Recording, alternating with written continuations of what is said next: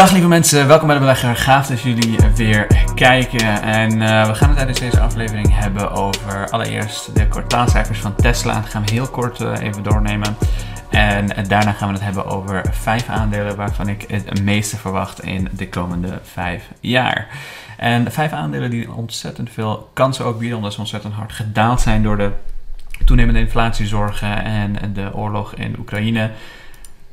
En daarmee dus ook kansen bieden voor beleggers om ze nog eens nader te bekijken. Omdat ze wat goedkoper zijn geworden, en, uh, maar nog steeds topbedrijven zijn. Want op dit soort momenten zullen ook enorm goede topbedrijven door allerlei verschillende algoritmes verkocht worden en dus kansen met zich meebrengen. Dus ik hoop je iets meer duidelijkheid te geven over waar ik persoonlijk kansen in zie. En voor iedereen die lid is van onze geweldige, fantastische gave community vol met geweldige mensen die dagelijks bezig zijn met eh, beleggen, zal ik ook een verdiepende video maken in de komende week. Dat zou waarschijnlijk einde van de week zijn, waarin ik al die verschillende bedrijven ga behandelen qua waarderingen um, en dergelijke.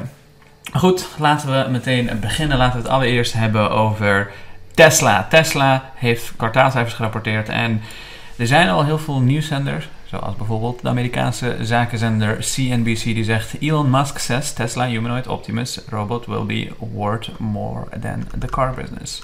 En als je een beetje Tesla aan het googlen bent, er zijn heel veel bedrijven, eh, bedrijven heel veel nieuwsmedia die zeggen Tesla is vanaf nu een core holding in elke portefeuille. Iets wat wij al jaren weten, iets waar wij al heel lang over praten hier in dit kanaal, zeggen heel veel analisten inmiddels ook. Terwijl het een tijd geleden natuurlijk niet zo was. En als je een beetje door deze uh, uh, artikel heen bladert, je kan hem zelf even opzoeken. Als je googelt op Elon Musk says humanoid Optimus robot will be more, more than the car business. Um, heel interessant om te lezen. Zeker als je benieuwd bent naar wat de toekomst is voor elektrische auto's, wat Elon Musk betreft. Maar laten we even kijken naar de kwartaalcijfers. Ik heb jullie de vorige keer dat we de kwartaalcijfers van Tesla hebben besproken, zei ik, een van de belangrijkste dingen voor Tesla gaat zijn margins. Margins, margins, margins. Oftewel, hoeveel marge pakken ze op elke euro dat binnenkomt. Waarom is dat belangrijk? Eén, omdat eh, Tesla uh, steeds meer richting een technologiebedrijf gaat en technologiebedrijven horen hogere marges te hebben. En twee, in tijden zoals dit, waarin inflatie een heel belangrijk, uh, belangrijk thema is, is het belangrijk dat je je margins behoudt of verhoogt. Iedere bedrijf die kwartaalcijfers gaat rapporteren de komende weken, en er zijn er heel veel, Google, Microsoft uh, enzovoorts, PayPal, Roku, die hebben allemaal hun kwartaalcijfers deze week. Allemaal. Um, ik geloof dat Google en Microsoft morgen al uh, zijn na beursluiting en Roku ergens op donderdag. Maar het gaat belangrijk zijn om te zien of ze hun marges behouden of dat ze het kwijtraken. Ik denk dat de meeste bedrijven het wel zullen behouden, maar de verwachtingen zijn ontzettend hoog voor technologie. We hebben Netflix al gezien, Netflix heeft het niet zo heel goed gedaan. En Netflix heeft daarmee dus ook heel veel techbedrijven naar beneden gehaald. Heel veel techbedrijven zijn de afgelopen paar dagen uh, ontiegelijk hard gedaald. Maar goed, dan gaan we zo meteen even doornemen. Laten we even kijken naar de kwartaalcijfers van Tesla.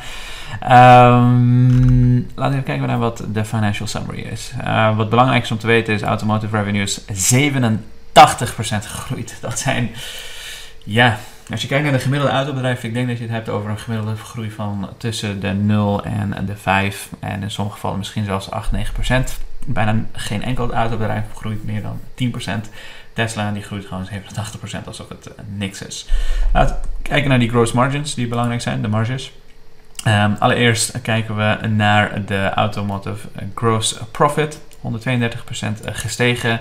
Als we kijken naar de gross margins, dan zien we een flinke stijging tegenover vorig jaar. Namelijk Q1 2021 zaten we op een 21,3%. Nu is dat 29,1%. En als we kijken naar operating margin, is ongelooflijk dat het gewoon van 5,7% naar 19,2% is gestegen.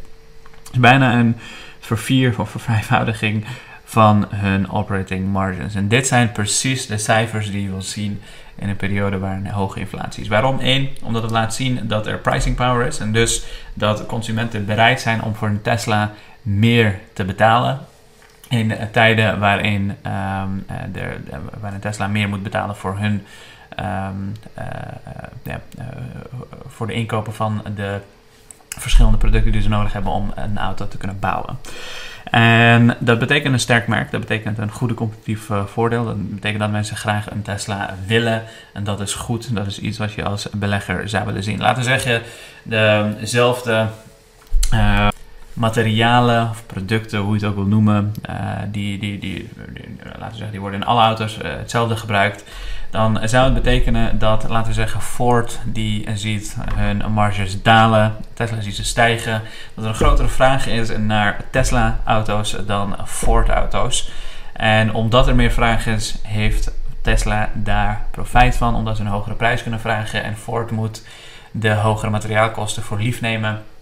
En uh, daarmee dus ook een gross margins zien verkleinen. Daarnaast, Tesla is natuurlijk een stuk groter dan waar het een tijd geleden was. Dat betekent ook dat ze ontzettend veel voordelen hebben van schaal. Hoe meer je produceert, hoe meer je inkoopt, hoe meer korting en hoe goedkoper producten worden bij je leveranciers. En dat is wat je bij Tesla aan het zien bent. Dat zijn geweldige dingen en dat is precies wat je als belegger wil zien. En dat is ook de reden dat nu alle analisten zeggen wij zien Tesla als een core holding in elk portefeuille. Um, zijn ze wel een beetje te laat mee, want dat zijn ze heel lang niet. Anyways, laten we niet te lang stilstaan bij Tesla, want ik heb eigenlijk ook heel weinig tijd. Ik doe dit even tussendoor. Ik zit in uh, Spanje, waar ik uh, op zoek ben naar een paar hele interessante investeringen om te maken in Spaanse vastgoed, maar ook een heel tof Spaans bedrijf waar ik nog even niks uh, over zeg, omdat ze niet beursgenoteerd zijn en het uh, mag ook niet. Um, maar ik ben dus even nog steeds in, in Spanje. Maar laten we even kijken naar de vijf bedrijven waarvan ik denk dat ze de komende vijf jaar het ontzettend goed gaan doen. Ik krijg regelmatig vragen van mensen die mij vragen: ja, welk aandeel denk je dat deze maand of volgende maand enzovoort het goed gaan doen? Ik praat nooit over de komende twee maanden. Ik praat nooit over de komende drie maanden. Als je uh, als lange termijn belegger kijk ik altijd naar hoe gaan deze bedrijven het de komende vijf en misschien zelfs tien jaar doen. Vijf vooral, tien jaar is mooi meegenomen. Um, en deze bedrijven zijn Shopify, Roku, The Trade Desk, Nvidia, Nvidia, hoe je het ook wil uitspreken, en Salesforce. Dit zijn mijn favoriete bedrijven. Dit zijn bedrijven waar ik ontzettend veel tijd, moeite en zweet en tranen in heb eh, gelegd. En ook heel erg veel geld in heb eh, geïnvesteerd. Eh, ik denk dat als je ze, allemaal zou, bij elkaar zou optellen, dat ze um, ja, een heel groot gedeelte van portefeuille uh, op dit moment zijn. En dat betekent dus ook dat ik dit jaar ontzettend veel verlies heb gedraaid op deze bedrijven. En ik heb wel het geluk gehad dat ik deze bedrijven uh, heel vroeg al gekocht heb, waar ik heel erg veel winst mee heb gehaald. Een bedrijf als Shopify, die heb ik op 70 per aandeel ooit gekocht, heel lang geleden. Nvidia op een paar, nou, misschien wel minder dan een tientje zo wat gekocht. als je het adjust voor, voor splits. Um, ja, dit zijn bedrijven waar ik ontzettend veel vertrouwen in heb. En, en niet alleen vertrouwen, ook als je kijkt naar uh, hoe goed deze bedrijven zijn. Een bedrijf als Shopify, laten we daar eens even bij stilstaan, is een bedrijf die de uh, wereld op zijn kop heeft gezet met wat ze gebouwd hebben. Uh, niemand had gedacht dat er een makkelijke concurrent zou zijn tegenover een Amazon die ervoor zou kunnen zorgen dat uh, Amazon het gewoon heel erg lastig krijgt. En de reden dat Amazon het lastig krijgt, ik heb uh, uh, wel eens eerder een analyse gedeeld met onze leden. Als je de in het leercentrum kijkt en dan onder portefeuillevideo's heb ik een analyse gemaakt over Shopify, wat iets dieper op Shopify ingaat. Maar Shopify is een bedrijf die op dit moment voor de helft van alle Amazon verkopen. Alle verkochte producten via Amazon, via hun ehm, verkopernetwerk.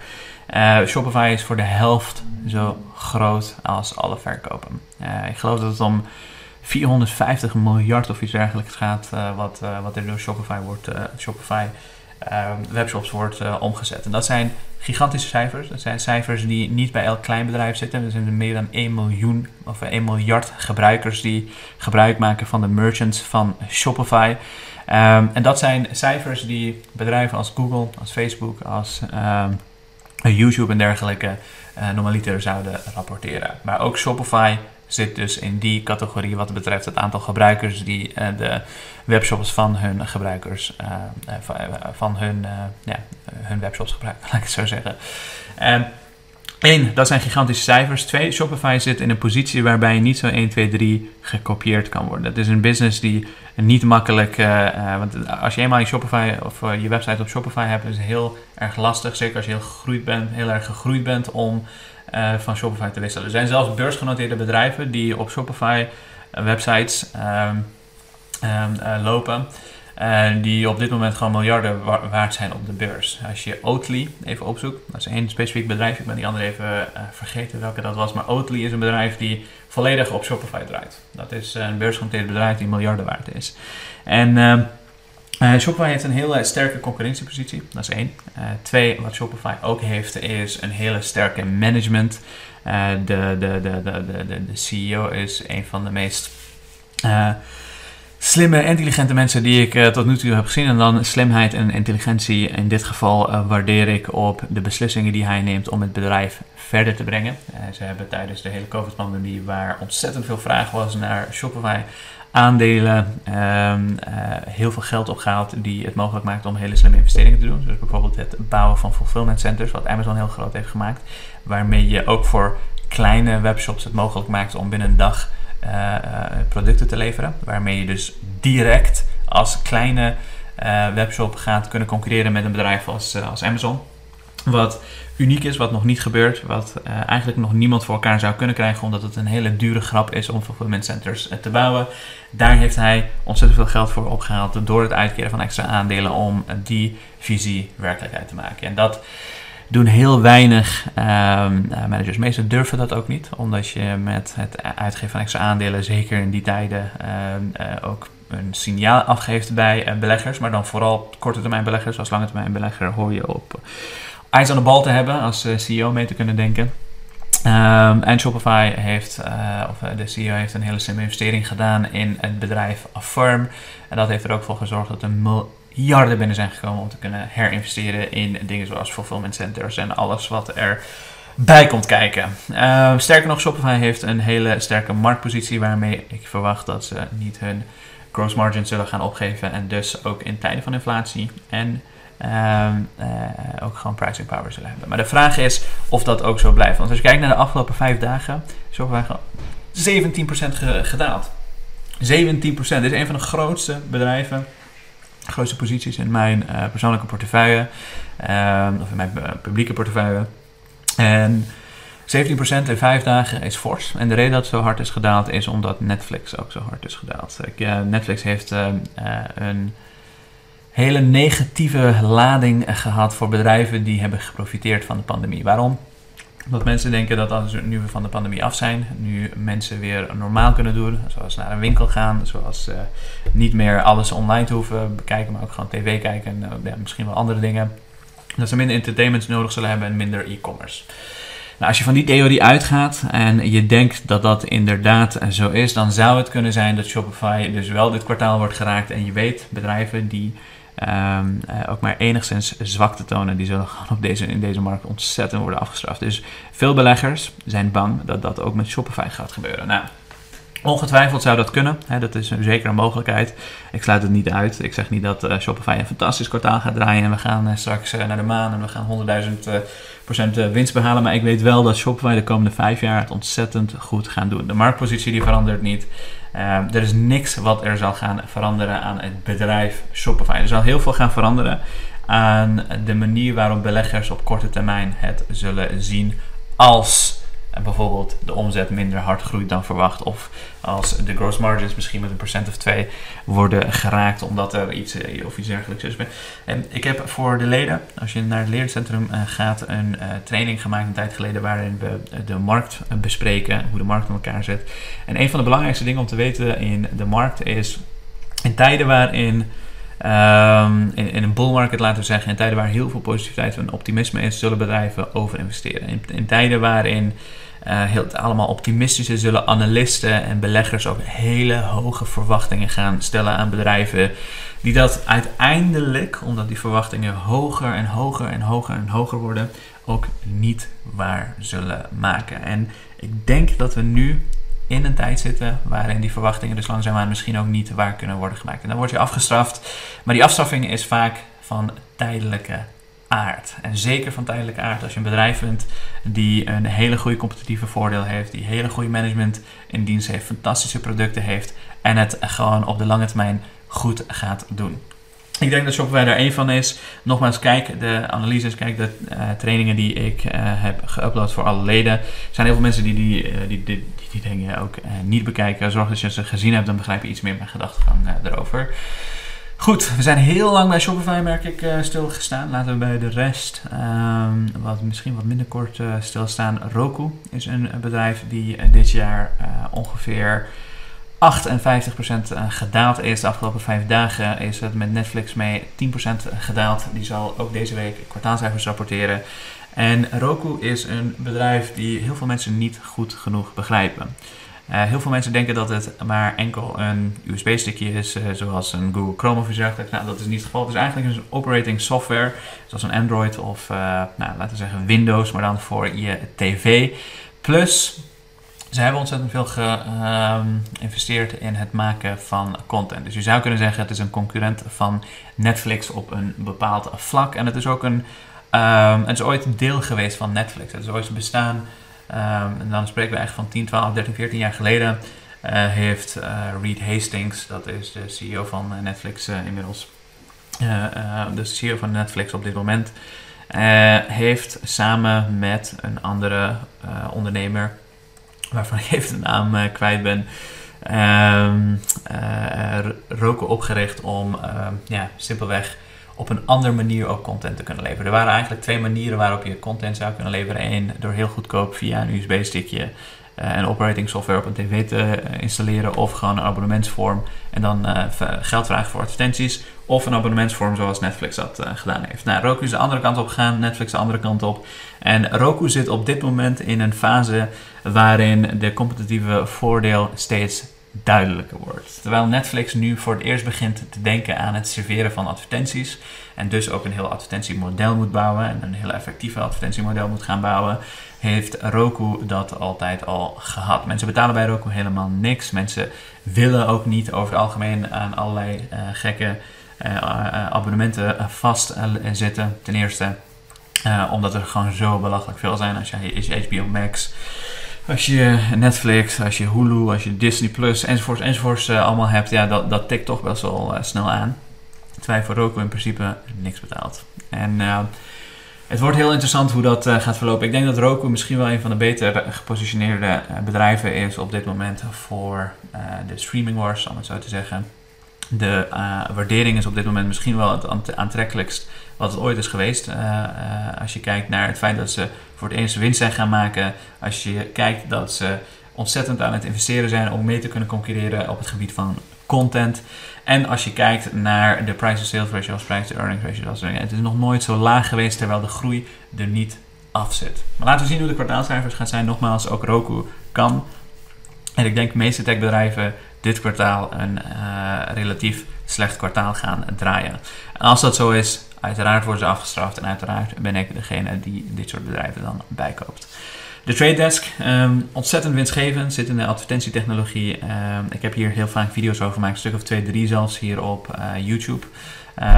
Bekijk even de oudere video's terug als je uh, benieuwd bent naar uh, wat ik van de Trade Desk vind. Maar ook de Trade Desk is 34% gedaald dit jaar en de afgelopen vijf dagen zo'n 3%. Nvidia, Um, hier kunnen we denk ik uh, heel kort over zijn. Ik ga hier uh, um, de komende maand, twee maanden, uh, een uitgebreide video over maken. Dus we hoeven daar niet te, bij, te lang bij stil te staan, maar een van de beste chipmakers. En ik heb ze overigens ook wel vaak op YouTube besproken. Ik weet alleen even niet precies welke video het was om het even niet te zeggen. Maar je kan, als je daar geïnteresseerd bent, even door de vorige video's, de afgelopen paar video's bladeren. En Salesforce daar heb ik ook een uitgebreide video over gemaakt. Een tijd terug. Uh, waarin ik precies uitleg wat mijn thesis is en wat mijn verwachtingen zijn voor Salesforce. Misschien wel een van de sterkste bedrijven qua competitieve voordelen en de, uh, waarvan ik verwacht dat ze een hele steady groei zullen meegemaken de komende vijf jaar. En ik hoop dat je daarmee een fijne video hebt gehad. Het is 20 minuten, we zijn niet heel diep gegaan in heel veel verschillende dingen. Maar nogmaals, heel weinig tijd op dit moment, maar de komende weken zal het uh, iets meer tijd voor trekken. En ik wil jullie bedanken weer voor fijne dag en ik zie